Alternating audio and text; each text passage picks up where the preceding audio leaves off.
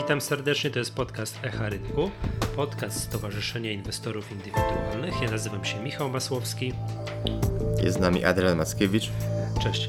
E, Adrian, e, pierwsza, pierwszy temat, e, czyli mm, tu się śmieją, że niedługo Daniel Obajtek zostanie ministrem aktywów państwowych, mm, bo jak przejmie już wszystkie spółki, które wchodzą w skład wiesz, no, tym, co pan minister Sasin zarządza, no to nie będzie sensu utrzymywania tego ministerstwa, będzie, będzie wiesz, e, będzie wiesz, zrobi się jedno, jedno przedsiębiorstwo, to będzie właśnie to, będzie właśnie to tak? To będzie ministerstwo do zarządzania jednym przedsiębiorstwem, czyli Orlenem, nie ma sensu, to też się zlikwiduje i Daniel Obajtek będzie tym wszystkim yy, zarządzał. Jak się zapatrujesz na mocarstwowe plany Orlenu? No rzeczywiście, jak tak dalej pójdzie, to będzie można połączyć funkcję prezesa Orlenu i ministra e, aktywów państwowych, czy jakkolwiek inaczej jeszcze to ministerstwo, ministerstwo będzie się nazywało. E, no, tak naprawdę tutaj też pojawiały się komentarze, że to przyjęcie PGNiG wręcz trochę przykryło warunki, na jakich, e, jakie Komisja Europejska podyktowała, jeśli chodzi o przejęcie Lotosu. I to jest ciekawe, bo z tego co nawet spółka e, Orlen, co, co wspominał w komunikacie prasowym, e, wstępnie komisja tutaj e, proponowała, żeby Orlen przejmując Lotos w całości musiał oddać rafinerię gdańską. Jak to? Czyli właściwie można by się zastanawiać, jaki w ogóle byłby sens tego przejęcia bez, bez rafinerii, bo to jest chyba najbardziej łakomy kąsek w tym całym przejęciu. E, Lotos dopiero co skończył projekt EFRA i właściwie ma jedną z najnowocześniejszych rafinerii, no na pewno w regionie, e, pewnie też jedną z nowocześniejszych, jeśli chodzi nawet o skalę światową. E, no więc tutaj, no, nie, gdyby Orlen miał przyjąć Lotos w ogóle bez, bez tej rafinerii, to, to już byłby duży znak zapytania, po co to wszystko chyba. E, no skończyło się na tym, że 30% ma oddać jakiemuś inwestorowi zewnętrznemu, co też właściwie budzi wiele wątpliwości. To było raczej takie negatywne zaskoczenie, że będzie musiał się podzielić tą rafinerią z kimś. No i teraz pytanie właściwie, kto to otrzyma. A jak to jest możliwe? To... Przecież to nie, wiesz, to nie magazyn butów, że można jedną trzecią magazynu butów spakować na tiry i komuś wywieźć. Przecież to jest rafineria w jednym miejscu. Tak, ono oczywiście chodzi o udziały, tak? To będzie wydzielone do zewnętrznej spółki, Orlen będzie miał 70, no i jakiś inwestor 30 i E, będzie tam partnerstwo. E, no właściwie tutaj też, w zależności od tego, jak Orlen się dogada z tym partnerem, to potem komisja i tak to będzie musiała jeszcze zatwierdzić, więc tu będzie musiała być e, po prostu współpraca między, między Orlenem i, i tym inwestorem zewnętrznym. Więc kto wie, czy ktoś nowy nam nie wejdzie też na, na nasz rynek. Orlen też wskazuje. Aha, no bo może to jeszcze powiedzmy, że 80% stacji Lotosu będzie musiał się pozbyć Orlen. E, też e, dla jakiegoś inwestora zewnętrznego. No i pomysł jest taki, żeby wymienić te aktywa polskie na jakieś aktywa zagraniczne. Czyli Orlen odda kawałek rafinerii i kilkaset stacji wręcz, e, bo, bo tyle, tyle to wychodzi. No i w zamian za to będzie chciał też pewnie jakiś udział w rafinerii, w, w rynku, w stacjach paliwowych na, na rynku zagranicznym, europejskim. Więc taka, taka ekspansja zagraniczna może z tego trochę wyjść. A, a powiedz mi, jak to będzie w przypadku tego Lotosu, to, czy się orientujesz? Y, to będzie fuzja, w sensie taka, wiesz, wymiana akcji mm, Lotosu za akcję Orlenu? Wiesz o co chodzi, że akcjonariusze Lotosu mhm. zasną z akcjami Lotosu na rachunku i obudzą się, będą mieli ileś tam według jakiegoś parytetu akcji Orlenu, to tak będzie? Czy yy, Orlen będzie ogłaszał, wiesz, kupował od Skarbu No to Państwa? właściwie chyba no. Też się, też się nad tym zastanawiałem ostatnio. Skarb Państwa ma w Orlenie 20... tylko aż 53%, tak? W Orlenie? Nie, nie, w Lotosie tyle ma. E, przepraszam, w Lotosie, w, Lotosie, w, Orlenie, tak, w, Lotosie. w Orlenie tam ma 20 parę, tak? Tak, tak. Chodziło mi o Lotos, y, że ma 53 w Lotosie. E, no i to sam się właściwie zastanawiam, e, czy to w końcu ma być na 100% akcji to, to wezwanie i wręcz zdjęcie Lotosu z giełdy, no bo wtedy jeszcze jakoś ci mniejszościowi muszą, e, muszą się tutaj na to też zgodzić, e, wziąć udział w jakimś wezwaniu w tej całej operacji. Więc na dobrą sprawę, tak teraz patrzę też na, na serwis Stuk i różne OFE czy inne fundusze jest tutaj pokazane, że razem mają 72 E, nawet prawie 73%, więc też jest sporo jakichś takich e, mniejszych akcjonariuszy w Lotosie. Sam jestem ciekawy, co z nimi będzie i na dobrą sprawę w tym całym przejęciu, e, jakkolwiek ono by nie wyglądało, trochę się zastanawiam, no, czy tutaj w jakiś sposób właśnie mniejszościowi nie zostaną na tym pokrzywdzeni. No jakby z przejęcia energii chyba za bardzo też się nie cieszyli, no ale to wynikało E, no, z tego, po jakiej cenie Energia debiutowała i po jakiej cenie było wezwanie kilka lat później. Mhm. No, no tak, to był to mocny rozjazd, rozjazd tej ceny. Dyskutowaliśmy mhm. o tym. No na to zgadza się. No natomiast jeśli chodzi o energię, to ono cały czas jest na giełdzie. Wydaje mi się, że chyba podobnie może póki co być z Lotosem, chociaż ostatecznie pomysłu chyba też jakby tak e, dopiętego, zakomunikowanego, że to będzie na zasadach takich i takich jeszcze nie ma. E, Orlen tutaj wskazywał, że, że no prawdopodobnie emisja akcji i wymiana może za gotówkę, jakby to jeszcze nie jest ustalone i, i też tutaj prezes wskazywał Orlenu, że sa, sama transakcja może jeszcze z rok trwać, zanim, zanim dojdzie do tego przejęcia, bo e, no bo i ten partner musi się znaleźć zewnętrzny i te warunki współpracy z tym partnerem musi zatwierdzić komisja. Więc jeszcze tutaj sporo też takiej papierologii, biurokracji jest, e, zanim dojdzie do tego. Dobrze, liczmy. E, przejęcia z Lotosem. Liczmy na głos i na żywo. Orlen jest warty na giełdzie tu i teraz 25 miliardów dolarów.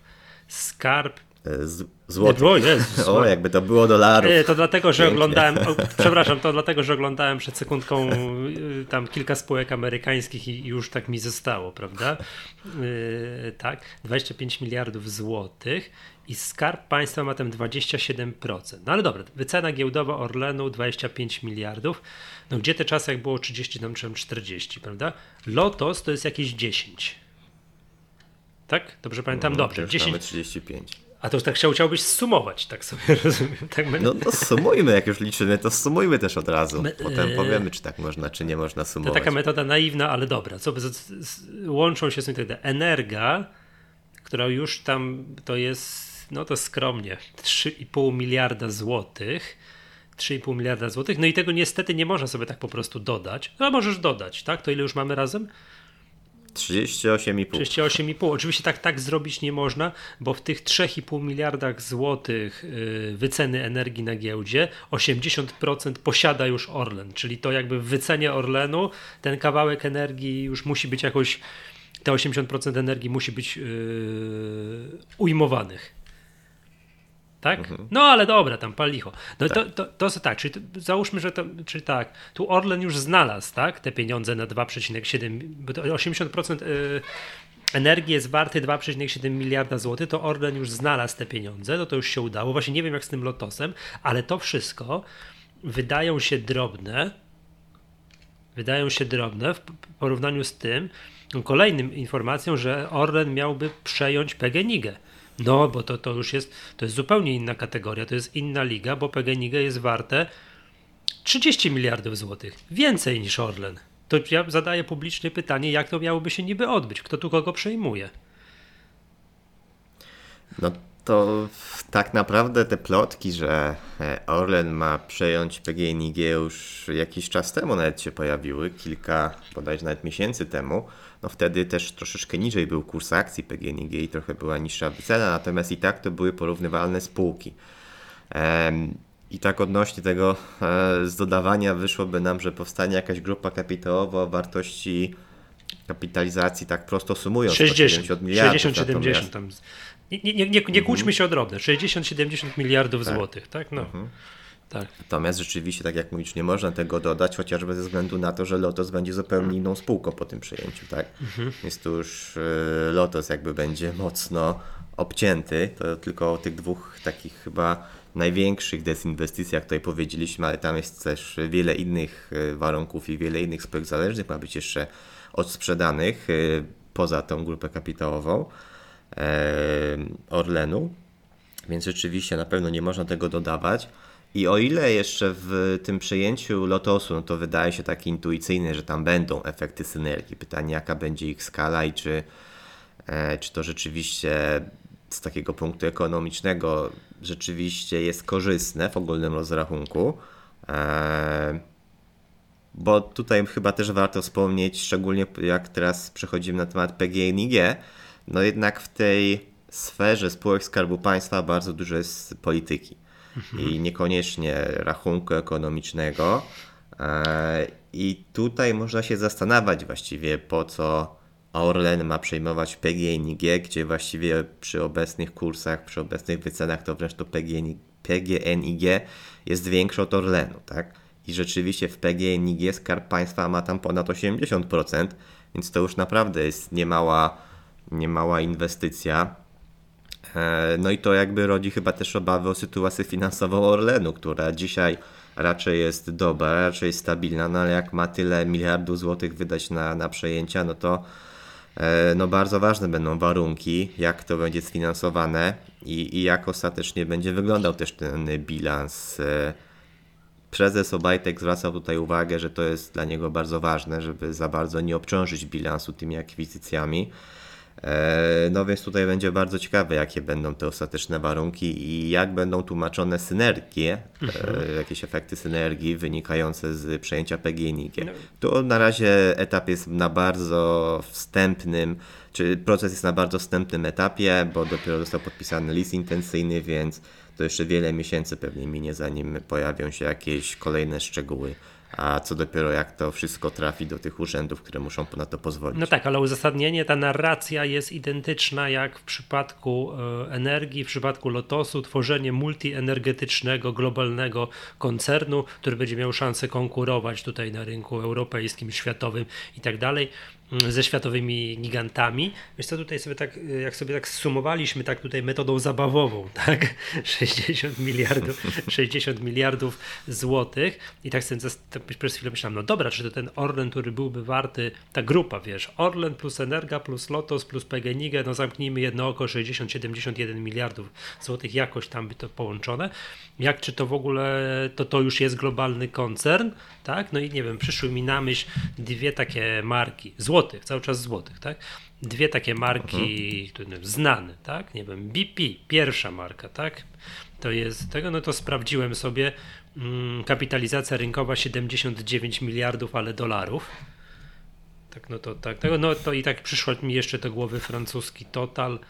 Mm, I Total jest warty, Total jest warty od, uwaga, 103 miliardy chyba euro, tak? Dać ci powiem, czy tylko wyświetlę. Mm, nie dolarów, tak? 103 miliardy dolarów. No to to jeszcze Orlen nawet nie puka, że tak powiem, do, do, do, do, drugiej ligi tutaj można powiedzieć, ale dopiero by awansował. O pierwszej no, no nie, nie ma nie, nie, nie ma wątpliwości, że nie, ale może to jest właśnie powód, dla którego oni się łączą, żeby nie być malutką polską firemką gdzieś na obrzeżach, wiesz, tego, tego, tego paliwowego świata, tylko żeby jednak zrobić taki faktycznie duży podmiot, który będzie miał szansę konkurować z tymi z tymi zagranicznymi, chociaż nie wiem po co. Tak? No, nie, nie, nie, nie, to już naprawdę, to już trzeba być super specjalistą od wiesz, zakupów paliw, tego przetwarzania, tam lokalnej dystrybucji i tak dalej, i tak dalej, prawda? Żeby sobie tak łatwo, prosto i porównać. Mhm. Tak jeszcze tutaj patrzę na... Zgadza się. Na... Przepraszam cię, patrzę, na wy... jedno... Czekaj, patrzę na wykres, Dobra, mogli to PGNiG w marcu przejmować, bo było warte dwa razy mniej. No. No tak, mogli. Chociaż i tak zanim przejmą, to ciekawe po ile będzie PGNiG. Natomiast tu jeszcze odnośnie tych kapitalizacji, które wymieniałeś, no warto, warto wspomnieć, że głównie tutaj dodatkiem, e, największym dodatkiem do Orlenu jest właśnie PGNiG, który właściwie jest spoza branży, no gdzieś tam około energetycznej, ale, ale jakby nie, nie tak ściśle branża Orlenu, tak? Więc to jest taki dodatek. A Energa to była, przepraszam, z e, branży? Jakby, no nie, no, no Energa też, ale powiedzmy sobie szczerze, skala przejęcia energii też nie była specjalnie duża, bo, bo Energa też, też e, no, szczególnie w porównaniu do kapitalizacji Orlenu jest relatywnie niewielka. E, jakiś tam mały procent e, tego, co jest warty Orlen. No a samo przejęcie PGNiG rzeczywiście mocno by zwiększyło, no ale właśnie synergię, no raczej tutaj e, o ile nawet Ministerstwo Aktywów mówiło, że po przejęciu Lotosu gdzieś te synergie kosztowe mogą miliard, dwa miliardy wynieść, no to raczej razem z PGNiG nie będą tutaj składane zamówienia na paliwo, tak? No bo mhm. E, to raczej jednak wejście w zupełnie Znaczy, no w, w gruncie rzeczy wejście w zupełnie nowy segment. Chciało, Czyli taki duży konglomerat by nam powstał. chciałoby się tutaj móc zażartować, że przydałoby się jakaś duża spółka gamingowa do tej układanki, żeby tam ce- celować w te 100 miliardów złotych takie magiczne. Cóż to jest warte 30 parę miliardów, które nam brakuje do 100 miliardów? Tylko, Która to spółka na tej Tak. naszej giełdzie mogłaby tutaj Uzupełni- jeszcze wejść do tej tak, grupy uzupeł- kapitałowej. uzupełnić układankę, no tam tylko jest jeden drobny problem, tam yy, Skarb Państwa nie ma nic, tak? Także tam byłoby ciężko namówić akcjonariuszy CD, Pro... E, właśnie. CD Projektu, żeby połączmy się z Orlenem. Przecież to jest to taka popularna tendencja, wiesz, że miesiąc powiedzmy sobie bez tam, wiesz, bez ogłoszonej jakiejś, że Orlen coś przejmuje miesiącem straconym.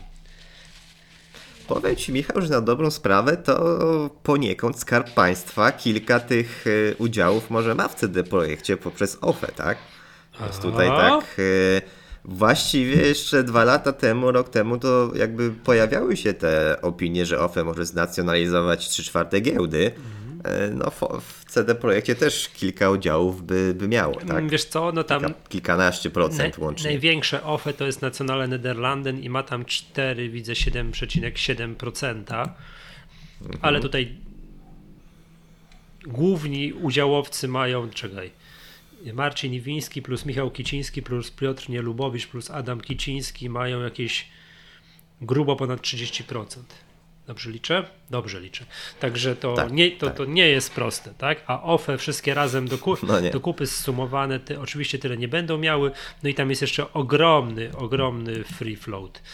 Mm, więc Tak, my, myślę, że w przypadku CD Projektu ludzie mogliby wyjść na ulicę i protestować. Musieliby się akcje, musieli, musieliby się akcjonariusze porozumieć, aczkolwiek to, to, to nie będzie takie proste. Dobra, to pożartowaliśmy oczywiście. Będziemy się tej, te, te, tego, temu mm, tej fuzji Orlenu ze wszystkim, co dookoła się pojawia, przyglądać. Natomiast oczywiście niepokojące jest to, że przy tak dużych, przy takich no, przejęciach, fuzjach, jakkolwiek to nazwać, będą ogromne potrzeby kapitałowe Orlenu, tak? O tu miliard, tam 2 miliardy, tam 30 miliardów, to że tak jak teraz, w tym roku, to mnie strasznie zmartwiło. I powiem ci tak, rozłożyłem ręce, co to za dramat, Orlen zmniejszył dywidendę z 3,5 zł do złotówki, to jest katastrofa, no to w przyszłych latach w przyszłych latach może być jak z KGHM-em, gdzie prezes Chludziński trzeci rok powtarza na różnych konferencjach, że spółka jest spółką dywidendową i trzeci czy tam czwarty rok z rzędu nie płaci dywidendy. No cóż mogę powiedzieć. No to mam, mam takie, wiesz, no duży, duży niepokój, że w przypadku Orlenu to może, to może wyglądać, to może wyglądać tak samo, tak? No to mi, to mi nie ukrywam, nie, niepokoi. No, Tak, to jest duży znak zapytania. Też tak tutaj patrzę, że złotówka dywidendy to jest 428 milionów złotych prawie Mhm. e, wypłaty, więc e, i tak można powiedzieć niewiele tutaj spółka w tym roku wypłaciła, chyba też jak porównamy do skali tych akwizycji, które chce przeprowadzić. No niewiele, ale tak no, to zamknijmy jedno oko, pół miliarda, piechotą nie chodzi, prawda? Także to, to, To też prawda. to, to wiesz, no poza tym popatrz, jeżeli by Orlen, tak jak ogłosił na przykład wezwanie na energię, no wypłacił de facto skarbowi państwa. Ile skarb państwa miał przed tą transakcją w Enerdze? Chyba 60 coś procent, już nie wiem. Też nie pamiętam dokładnie, ale jakoś tak to mogło Można być. powiedzieć, że wypłacił Tam było na wiesz, 66 wezwanie. taką, wiesz, nazwijmy to dywidendę Sasina, wypłacił Orlen poprzez kupno energii skarbowi państwa. Wiesz, był podatek, był podatek Tchórzewskiego, może być dywidenda, wiesz, podatek Sasina, no tą metodą. No dobrze, że to jest jednorazowe, że nie da rady kilkukrotnie sprzedawać tej samej energii O- Orlenowi, nie? Wiesz, w tym konkretnym roku Skarb Państwa jest zaspokojony, tak? A inwestorzy indywidualni tak patrzą, no była dywidenda i prawie nie ma dywidendy. No to jest tutaj takie, no, no słabe, tak? Co tu dużo mówić, nie? No dobra, wiesz co, yy, przejdźmy do kolejnego tematu. Ja bym chciał tutaj taką spółkę wyciągnąć mm, na światło dzienne, ale nie żeby mówić o jej wynikach finansowych czy coś takiego, tylko, tylko zganić ją pod względem jakiegoś tam, jakby to powiedzieć, ładu korporacyjnego i mam na myśli tutaj spółkę T-Bull, Od nas, według klucza, że wiesz, z Wrocławia, od nas z Wrocławia, tak? Bo to oni są akurat no to... z Wrocławia, tak? Mm. Nie ma nic do... Niestety tu będzie taki negatywny przykład spółki z Wrocławia. Teraz jest trochę. negatywny, bo zawsze wyciągamy te fajne spółki z Wrocławia, prawda? A tym razem będzie wręcz przeciwnie. Ale zaraz potem też mam jedną spółkę z Wrocławia, to będzie pozytywny przykład. Tutaj ja tylko spółki z Wrocławia kojarzę, bo to wiesz, blisko i tak dalej. Dobra, T-Bull chciałem zganić za to, co się u nich no, w tak, zakresie tak zwanego ładu korporacyjnego dzieje. Yy, I już mówię o co chodzi. No wiadomo, mamy czasy epidemii, mm, wszyscy przenoszą co tylko się dało do online'u. Zmieniany jest kodeks spółek handlowych i wprowadzane są zapisy, które umożliwiają przeprowadzanie wa e, walnych zgromadzeń, tych rocznych, za pomocą no, jakichś narzędzi elektronicznych. Pozwala się na to, no, jest ogólne przyzwolenie i sporo spółek to robi. No nie wiem, na przykład CD Projekt teraz ogłosił, że będzie walne i też mm, ta cała procedura, jak to walne elektronicznie będzie wyglądać, te, też jest opisana. Tam nie wiem, kiedy jest jakiś rekord date, trzeba by spojrzeć. No ale weźmy tutaj te spółki, które się już odbyły, te walne, tak elektroniczne, to to nie wiem, tam mam tak ten Square Games się odbył za pomocą i używał tego narzędzia, które KDPW opracowało do e-votingu. Mm, Unimod, ten paliwowy, tak? To, to, to jest też kandydat do przyjęcia dla Orlenu. Tutaj tak. E, przepraszam, to był żart. E, też, też zorganizował spółka. Oby to był oby żart. To był żart. Spółka też zorganizowała walne elektroniczne. No, no powoli się to dzieje, tak? Giełda od lat organizuje walne elektroniczne. No powiem tak, no, no widać, że to jest jakaś tam trend i jest jakaś przyszłość. No niestety nie cieszy się to zbyt dużą popularnością wśród inwestorów, to tam nie bierze zbyt dużo inwestorów w tym udziału, no ale takie mamy czasy, tak? Inwestorzy indywidualni zgodnie z naszą yy, badaniem, ogólnopolskim badaniem inwestorów, tam 95, tam niecałe 95% inwestorów że deklaruje, że nie bierze udziału w walnym, walnych zebraniach akcjonariuszy. No i jako powód jest podawane to, że to jest za drogo, za daleko, strata czasu, no i to okej. Okay. Tak? To są zbyt małe pakiety akcji, które inwestorzy posiadają w spółkach, które uzasadniałyby wyjazd gdzieś na drugi koniec Polski, poniesienie kosztów, nie wiem, tam, nie wiem, tysiąca złotych z jakimś noclegiem i tak dalej. Więc inwestorzy tego nie robią. Te walne jest jakąś właśnie takie e-walne, jest to jakąś tam odpowiedzią, że można próbować to robić. No i mam takie wrażenie, że jak nie jutro, to pojutrze, w sensie jak nie za rok, to za dwa, jak nie, to za trzy, a za pięć lat, to już na pewno wszyscy będziemy zamiast jechać gdzieś na drugi koniec Polski, oddawać głos, to będziemy ze swojego smartfona coś klikać i brać udział w tych walnych, może zabierać głos, tak, nie wiem, przepatrywać projekty uchwał, klikać, tak, nie, wstrzymuje się i tak dalej. No to widać, że to, to nas czeka, tak, że jeżeli to mam wrażenie, że te takie wiesz, czasy tej epidemii koronawirusa te, tylko przyspieszają tego typu procesy. Tak, nie ma się co bronić, że to tak po prostu będzie i koniec, to po prostu potrzeba trochę czasu na popularyzację tego. Co robi spółka T-Bull, o której tutaj wspomniałem w tych, w w tych czasach? No, nikt nie każe im tego walnego organizować. Ja rozumiem, że dzisiaj może nie być zainteresowania inwestorów. Okej, okay, no ale powinni mieć przynajmniej rękę na pulsie, to co powiedziałem. Jak nie w tym roku, to za rok, jak nie za rok, to za dwa lata i tak dalej. Otóż spółka T-Bull na walne, które odbędzie teraz 27 lipca chyba odbywa się to walne, wpisała sobie jako projekt uchwały zmianę statutu, w której mieli przewidziane to, że te walne elektroniczne mogą się, może się odbywać i wprowadzają zapis, że spółka nie przewiduje nie przewiduje czegoś takiego jak walne elektroniczne. Czyli mieli coś, co dopuszczali, już powiem jak konkretnie, jak ten zapis u nich brzmiał e, ten zapis u nich w statucie brzmiał tak: O ile będzie to możliwe, przy uwzględnieniu wymogów technicznych i zapewnieniu bezpieczeństwa, dopuszcza się udział w walnym zgromadzeniu przy, przy wykorzystaniu środków komunikacji elektronicznej zgodnie z artykułem 406 Kodeksu Spółek Handlowych. Tak, taki, takie umożliwienie, że jakby była, było zainteresowanie inwestorów, to zrobimy. I te, te treść zmienia się na spółka nie przewiduje udziału w walnym zgromadzeniu przy wykorzystaniu środków komunikacji elektronicznej. No, kompromitacja. No tak bym to tutaj ujął de delikatnymi, delikatnymi słowami. Takie wiesz. No jeszcze raz powtórzę, nikt nie każe im tego robić w tym roku. Nie ma zainteresowania, to luz. Może za rok trzeba będzie zrobić, a jak nie, to za dwa lata. Ale takie zamurowanie się w swojej siedzibie, a nuż, nie daj Bóg, jakiś inwestor przyjdzie i zacznie zadawać jakieś głupie pytanie, no jest co najmniej, no no, wymaga wykpienia, wskazania, żeby inwestorzy wiedzieli, jak spółka odnosi się do inwestorów indywidualnych, tak? Znaczy w ogóle do inwestorów jakichś, którzy mogliby zechcieć przyjść na takie walne i zadawać pytania. No niestety z Wrocławia. Czy to w ogóle nie, nie jest no, ta spółka. A czy to w ogóle nie jest teraz tak, że to wręcz ma być obowiązek tych ewalnych? Mm, Może nawet nie, że w tym roku, ale czy to nie ma takich, mm, takiego kierunku, że, że to ma być obowiązkowe wręcz nie, w kolejnych nie, latach? Nie, nie, nie. Ten artykuł, ten przywołany przeze mnie artykuł 406 KSH mm, mówi tyle, że tam to, wiesz, to są takie tam wprowadzone zmiany związane z zapobieganiem, przeciwdziałaniem i zwalczaniem COVID-19 i ten artykuł brzmi tak.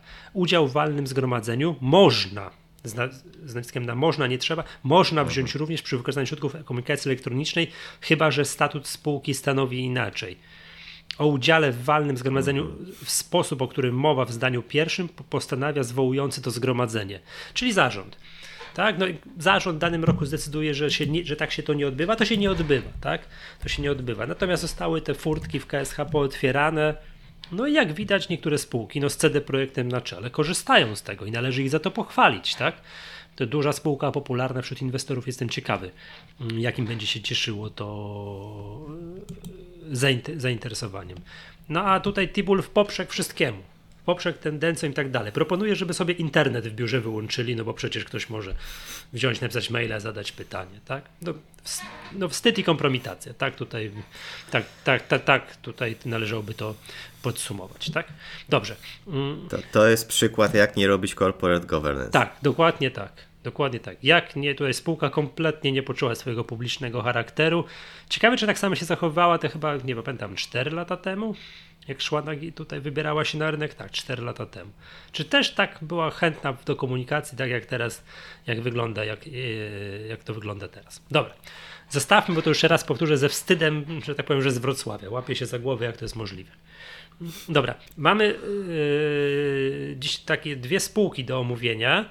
Pierwsza, obydwie takie, które żeśmy, jak żeśmy wiesz, rozmawialiśmy, no nie wiem, z trzy miesiące temu no to było, to żeśmy to myśleliśmy o tego typu spółkach, bo to było, wiesz, jak będą się zachowywały wyniki takich spółek w okresie pandemii, prawda? No i ja tam zaryzykowałem taką tezę, że tak było, że co będą ludzie robili w domu zamknięci podczas lockdownu? No i zawsze było, że będą grali w gry i oglądali filmy na Netflixie. Tak, to było takie zdanie wypowiedziane. Ja tam, tak. ja zacząłem wtedy tak kręcić nosem, że to chyba tak niekoniecznie, bo taki abonament na Netflixie to nie jest rzecz niezbędna jak kupno chleba, tylko to jest miły dodatek do życia, który przy kryzysie ekonomicznym w ciężkich czasach, no wiele osób może rezygnować z takiego, wiesz, miłego bonusu, tak, który tam umila nam popołudnia. No to spójrzmy, bo są wyniki Netflixa, właśnie dzisiaj pierwszą omawianych spółek jest Netflix, są wyniki Netflixa za za drugi kwartał. Zgadza się. I powiedz, jakie są to wyniki. Czy one będą pra... to... czy jednak siedzimy w domu, gramy w gry i oglądamy filmy na Netflixie, czy niekoniecznie? E, zdecydowanie tak robimy. A jednak. E, spółka zanotowała rekordowe, rekordowy przyrost klientów netto, e, który tam no, w pierwszym półroczu, ten pierwszy, drugi kwartał były bardzo dobre. Praktycznie udało się pozyskać tyle, co w całym 2019 roku. Tam przyrost klientów prze, prze, prawie, prawie sięgnął 30 e, milionów, tak? Więc e, no, raczej był to dość dobry wynik, co tu dużo mówić. I na dobrą sprawę spółka na koniec tego drugiego kwartału miała już prawie 200 milionów e, płatnych klientów subskrypcji, więc klientów właściwie więcej, bo wiadomo, te konta się tam dzieli, więc klientów tak naprawdę oglądających Netflixa pewnie jeszcze więcej. E, natomiast jeśli chodzi o same wyniki, to krótko tylko bym podsumował, że spółka nie dowiozła zysku netto, e, bo zysk na akcję wyniósł $1,59 podczas gdy analitycy oczekiwali e, dolar 81, mhm. więc tutaj e, to, to jest pewnie jeden powód przeceny, bo rzeczywiście notowania tam na to było po sesji opublikowane, więc w tych, w tych se, w sesji przed otwarciem e, spółka tam zniżkowała nawet o 10% po tym raporcie. Natomiast abstrahując od wyników, które były bardzo dobre, no, bardzo dobre. Na, na poziomie zysku netto może nie aż tak dobre jak oczekiwano, natomiast sam przyrost bardzo, e, bardzo dobry, bardzo wysoki klientów, no to myślę tutaj na oczekiwaniach się sporo też rozjechało, e, bo o ile spółka tam pozyskała 26, 26 milionów klientów w tym pierwszym, drugim kwartale, w samym drugim było to, to 10, milionów, no to już oczekiwania, które spółka podała na, na trzeci kwartał, no to zaledwie 2,5 miliona tych nowych klientów netto. Ekstra tak? nowych klientów. Że ta ba... Okej, okay. chciałem zapytać o tak. To czy netto, tak? Czyli jakby nowi minus odejścia tylko, tylko 2,5 miliona, co no, budzi duże obawy, jeśli chodzi o tempo kontynuacji E, dynamicznego rozwoju tej, tej platformy. Mhm. Zadam tak pierwsze pytanie, takie, myślę, te wyniki Netflixa, jak widzę, były wczoraj, 16 lipca, dzisiaj nagrywamy jest 17. Się. Jak to jest, że jest 16 dni od zakończenia kwartału, a oni już podają wyniki? To oni są tacy świetni, czy to pols polskie spółki to takie sieroty? Z czego to wynika? No myślę, że znasz tutaj odpowiedź na to pytanie, Michał, na dobrą sprawę. No nie ma, nie ma co ukrywać, że rynek w Ameryce jest o wiele bardziej rozwinięty i wręcz w Ameryce, jak spółka nie jest na giełdzie, to, to jest jakiś znak zapytania, o co chodzi, tak, tak? tak. Dlaczego ona nie jest notowana, skoro, skoro jest taka super i, i wręcz spółki ciągną do tego, aby być noto, notowanymi firmami. No w Polsce jest y, trochę w drugą stronę, jakby to, to wszystko o 180 stopni inaczej niestety. Y, nie ma zbyt dużego prestiżu dzisiaj z bycia spółką notowaną. No i nie ma też tej presji aż, aż tak dużej, tak? No jakby to jest na dobrą sprawę, Polska to jest mały, lokalny rynek, a w Stanach inwestują wszyscy. Cały świat inwestuje w Stanach i tam po prostu jest też ta presja społeczna, inwestorska, wszystkich firm, e, całej infrastruktury rynkowej na to, żeby te, te wyniki były jak najszybciej podawane.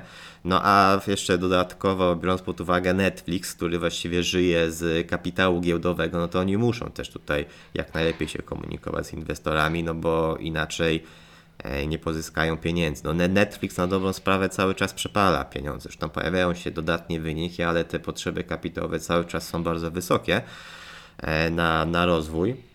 E, dalszy i tak naprawdę to jest też taka ciekawostka, że Netflix ma relatywnie niski abonament cały czas i go specjalnie nie podnosi, bo cały czas jakby tu walczy o rynek i gdzieś w dłuższym terminie to bym może też zasugerował, że takim dużym boostem dla, dla wyników, dużo, dużo, duża poprawa wyników może wynikać z tego, że no zdecydują się chociażby na podniesienie tego abonamentu. To, mm, to jest taka ciekawa Przyznam się, myślę. patrząc na, na, ceny, polskie ceny Netflixa, twoja teza, że Netflix ma niski abonament, tak mi się troszeczkę kłóci, no ale dobra, tak, to mam zdanie odwrotne, Netflix jest przecież najdroższy ze wszystkich tych takich platform. Tak patrzę na te wyniki, 6 mm, miliardów 148 milionów przechodu i to jest plus 20 5% rok do roku. No to oczywiście są kosmiczne wyniki, ale w poprzednich kwartałach mieli plus 27% rok do roku, a w ostatnim kwartale 2019, czyli w tym kwartale, co Wiedźmin, tak? Wypuścili kiedy Wiedźmin tak, na Netflix? W grudniu. Tam było jakoś na święta. No tak, tak, tak. Wiem, bo wtedy sam, sam grzecznie oglądałem wtedy. Plus 30%, a jeszcze wcześniej plus 31%, więc ta zmiana dynamik, dynamiki no, no oczywiście wiadomo, to jest każda firma by tak chciała mieć, wiesz, roczny przychod, wzrost przychodów o plus 20 parę procent, to jednak jest odrobinę tak maleje z każdym kwartałem. Na następny kwartał zapowiedzieli już tylko plus 20%. Także to jest to, to jest to. Zysk netto takiej spółki to jest mimo to jest 720 milionów złotych, boże złotych, dolarów, 720. Widzisz, tu mylę te dolary ze złotówkami cały czas, tak? Mm, no a na przyszły kwartał zapowiedzieli, to co widziałeś, ten EPS to jest 1,59 dolara na akcję, na przyszły kwartał zapowiedzieli 2,09.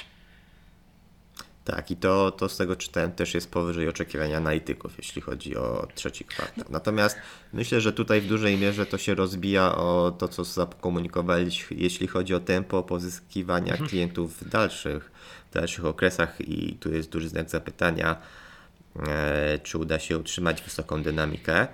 I może jeszcze z takich ciekawostek odnośnie Netflixa, to bym powiedział, bo tak jak mówiłeś, co będziemy robić, oglądać Netflixa tak. i, i grać w gry, no to żeby oglądać Netflixa musimy mieć jeszcze co oglądać. I tutaj akurat jeśli chodzi o, o ten okres pandemii, Netflix był raczej dobrze przygotowany, bo miał te nowe produkcje na ukończeniu. No i tam jakiś nowy content się pojawił na, na Netflixie. Chciał, przepraszam, e, chciałbym, chciałbym tu wymienić Last Dance czyli historię tam, wiesz, chicagowskich byków z lat 90. To ze łzami w oczach to siedzi i ogląda.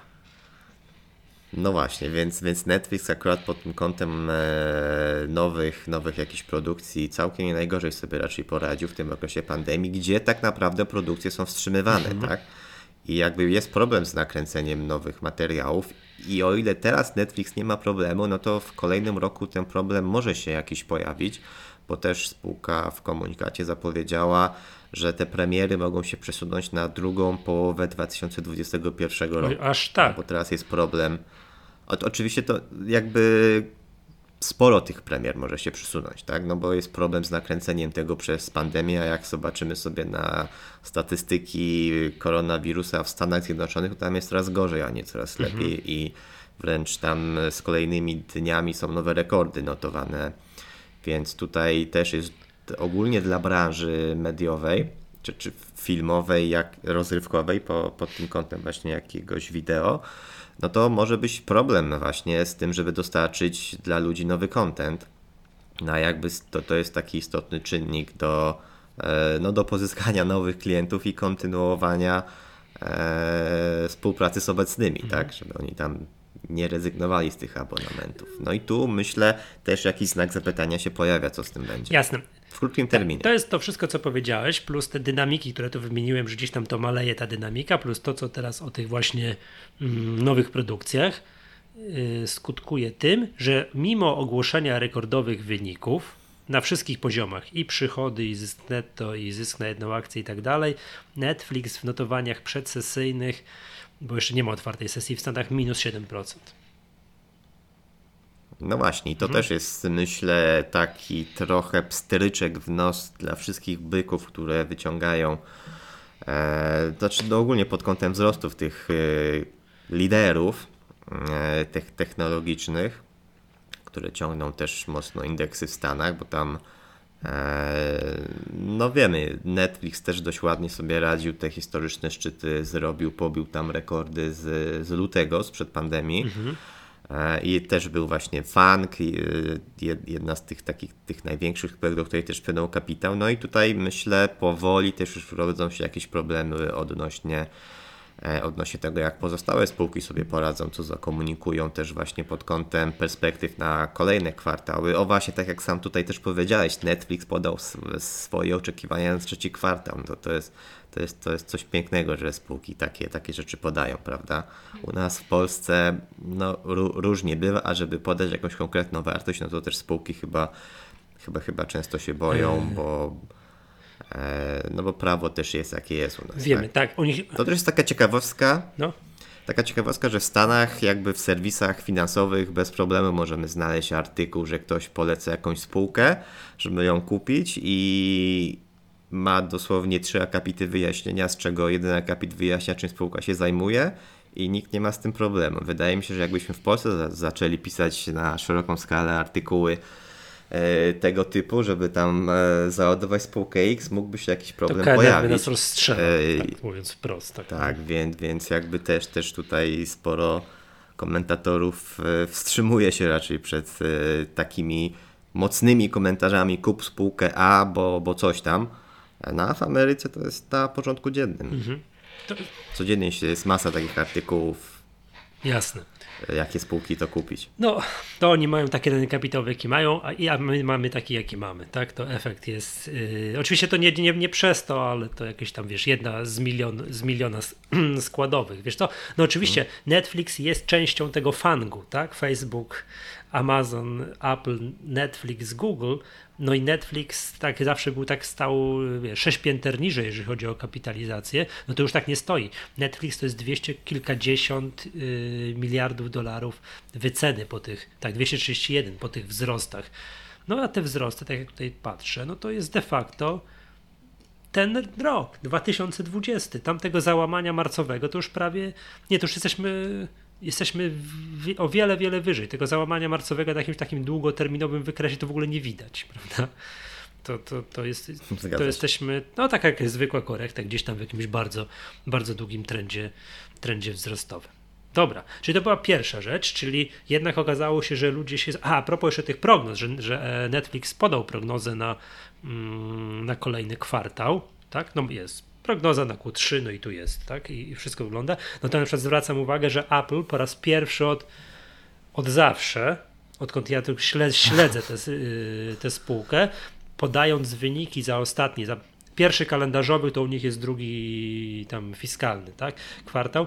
Mm, wycofały się z podawania prognoz na kolejny kwartał. Czy jak teraz ogłoszą wyniki za ten kwartał ostatni, który ma być, te wyniki mają być 30 lipca, no to, to będą, nie będzie wiadomo do czego się odnosić, bo oni sami nie podali po raz pierwszy, no praktycznie od kilkunastu lat yy, prognozy na kolejny, na kolejny kwartał, więc jako powód oczywiście COVID-19, że jest tak duża niepewność, nie wiedzą co jak, że nie są w stanie tego jakkolwiek sensownie, yy, sensownie prognozować. Dobra, Y, jeszcze to była tak, spółka, no to był Netflix, wyjątkowo nie z Wrocławia, yy, tak, no to, to zupełnie, no ale to tam, nie, no nie możemy samych spółek z Wrocławia omawiać, ale kolejna... Może kiedyś zmienią siedzibę na Wrocław. Tak. Mogą nas posłuchać i to jednak oprócz tego nieszczęsnego Tibula, to tu mamy same fajne spółki, tak? Yy, dobra. Yy, dwa słowa o live czacie chciałbym powiedzieć, bo to jest znowu spółka z takiej branży, która, jak żeśmy tutaj, no, mówiliśmy, jakie to spółki mają szansę się w tym okresie epidemii sprawdzić, tak, a jakie nie. No i te, te spółki na nie, no to stawialiśmy pod dużym znakiem zapytania cały handel detaliczny i tak dalej, i tak dalej.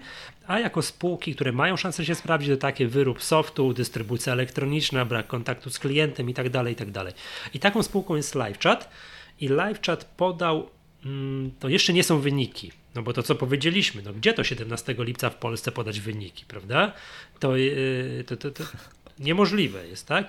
Za pierwszy kwartał, ale tutaj nie, nie, nie, nie zmylmy się, bo pierwszy kwartał roku kalendarzowego 2020-2021 w przypadku live chatu to jest właśnie ten ostatni kwartał, czyli kwiecień, maj, czerwiec.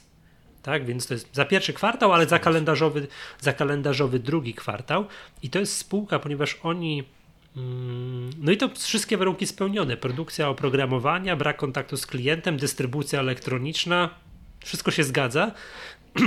To jest raz, a po drugie, taki produkt, który właśnie się wydaje, że teraz w czasach pandemii, to, to potrzebują ludzie tego typu narzędzi, właśnie tych wszystkich takich komunikatorów internetowych, możliwości komunikowania się z klientem za pomocą różnych tam różnych narzędzi, jakichś właśnie live chatów, chatbotów i innych, innych rzeczy. Live chat to jest spółka, która już zdecydowaną większość przychodu osiąga w dolarach amerykańskich, no generalnie nie, nie w złotówkach, w związku z tym oni też raportują, jak widzę, w dolarach. I teraz tak, przychód ponieważ to są wstępne wyniki, tak jak mówię, szacunkowe. No ktoż to widział, jeszcze raz powtórzę, to 17 lipca już wyniki, tak? Przychody za ten ostatni kwartał 10 milionów i tam 10,3 miliona dolarów i są to przychody o 31% wyższe niż przychody odnotowane rok temu w podobnym okresie. Czyli to Moc. Moc. Moc.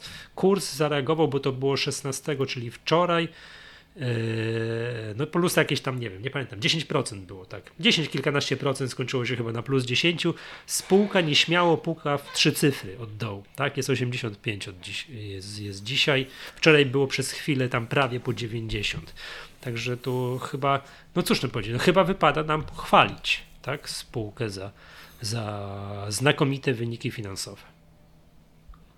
No, spółka przy okazji raportu rocznego, czyli właśnie on się kończył w marcu, e, też już podała wstępne odczyty kwiecień-maj, e, jeśli chodzi o liczbę klientów i tam e, pomimo tego, że zdecydowanie zwiększył się wskaźnik churn, czyli ten wskaźnik klientów odchodzących, którzy też popadli pewne problemy finansowe, jakby tutaj też pokomunikowała, że z tego tytułu też jest jakaś, jakaś grupa przedsiębiorstw, klientów live chata, którzy zrezygnowali z tego rozwiązania, to mimo wszystko jeszcze większe było zainteresowanie, jeszcze większy był przypływ nowych klientów i tam zostały też w maju był rekord przyrostu netto klientów, który tam e, powyżej 600 mm, wyniósł. A teraz powyżej 600 klientów netto spółka pozyskała. Nie mogę tego teraz znaleźć, ale gdzieś czytałem jakiś artykuł, nie, chyba w ich nawet komunikatach, że zdaje się, że żegnamy się z takimi danymi jak liczba klientów, że będziemy mogli tylko bazować na przychodzie. Tak, o jest. Tak, dobrze kojarzysz i i to już nawet dawno było, bo już od dłuższego czasu spółka nie komunikuje tych e, miesięcznych danych na temat przyrostu klientów, co właściwie potwierdza też e, ten raport roczny, o którym wspominałem. Ta spółka też komunikowała, że e, od stycznia zmieniła model sprzedażowy usługi LiveChat, zmieniła też stawkę, tam chatbot coraz lepiej się też rozwija. Spółka zakomunikowała też nie tak dawno, że tysiąc klientów już ma ta ten produkt, więc też się to ładnie rozwija. E, I myślę to, co jest też bardzo ważne, że już w tym czwartym e, kwartale, czyli de facto styczeń, marzec, pierwszy kwartał kalendarzowy, e, pojawił się wzrost rentowności, bo spółka, pomimo że miała bardzo wysoką rentowność, to gdzieś ta rentowność jednak wykazywała taką tendencję malejącą. E, no i ta zmiana tych, e, tego modelu, tych e, stawek abonamentowych też pozwoliła na poprawę rentowności i mam takie przeczucie, że to może być kontynuowane też w kolejnych kwartałach tego roku. No i też spółka ze względu na pandemię widzi też duże zapotrzebowanie od obecnych klientów na ten produkt i tutaj ten upsell upselling jest, do sprzedaż tych produktów też do obecnych klientów, nowych stanowisk, też tutaj widzi istotne, e, istotny wzrost e, popytu. No bo to, to się, w, to się wpisuje w to, co powiedzieliśmy wcześniej, co teraz powiedziałeś, że dobra spółka na pandemiczne czasy, tak? Że właśnie, że, że klienci potrzebują no, tego typu rozwiązań. Zgadza się. Okej, okay, dobra, no tak jak mówię, to czy wy, wy, no wszystko, wszystko przenosi się, jeszcze, mhm, jeszcze krótko podsumowuję, podsumuję, wszystko przenosi się do internetu i te narzędzie pomagają i w sprzedaży, i potem też w obsłudze klienta, więc e, no bardzo na pewno tutaj potrzebne narzędzie dzisiaj. Dokładnie, tak jak niektóre spółki ganimy, patrz Tibul, tudzież łapiemy się za głowę, gdzie moja dywidenda z Orlenu, tak, niektóre spółki warto tutaj wypada pochwalić i właśnie chwalimy LiveChat, aczkolwiek tutaj to, czego bym oczekiwał, tak, to jakiejś takiej powiedziałbym stabilizacji, jeżeli chodzi o wypłacane dywidendy, bo tak jak spojrzę, to spółka strasznie nieregularnie to robi, tak naprawdę nie wiadomo, co, czego się inwestorzy mają spodziewać, tak jak patrzę sobie na kalendarz wypłacanych dywidend, no to w zeszłym roku trzy razy, ale pierwsza wypłata była kiedy? Już tak, przepraszam, popatrzę. Pierwsza wypłata była w lipcu 25, więc tak, no nie, nie wiem, co tutaj, jaki tutaj. Chciałbym, że jakiś taki, żebym miał przewidywalność. Gdybym był takim inwestorem live chatu, no to chciałbym wiedzieć więcej, jak to, jak to z tą dywidendą jest i żeby to jakkolwiek było przewidywalne. Tak krótko bym podsumował, że z tą dywidendą w live czacie chyba jest tak, że to się rozbija o publikację raportów okresowych i to jest powiązane chyba właśnie e, z tym, że najpierw raport, potem zaliczka na dywidendę i, i chyba stąd jest ten rozjazd e, jeśli chodzi o dywidendę w live czacie, no bo to też jest spółka, która tam przeszła na ten model kwartalny, no ale, mhm. ale tak jak mówisz, gdzie, gdzieś, gdzieś kalendarzowo się to niekoniecznie wygląda na kwartalną tak, dywidendę. To się ani nie wygląda na kwartalną, ani, ani jeżeli chodzi o liczbę, jeżeli chodzi o okresy w roku, to to nie ma nic wspólnego z kwartalną dywidendą, tylko z taką trochę przypadkową. Tak patrzę, patrzę, mówię, no to kiedy będzie, kiedy jakaś dywidenda z live chatu, tak? Ale to, to żebyśmy mieli tylko takie problemy w innych spółkach, tak, to, to, to byłoby dobrze. Dobra, okej, okay. to yy, dziękuję bardzo, to wszystko na dzisiaj. To był podcast Echa Rynku i nazywam się Michał Masłowski. Był z nami Adrian Mackiewicz. Do usłyszenia następnym razem.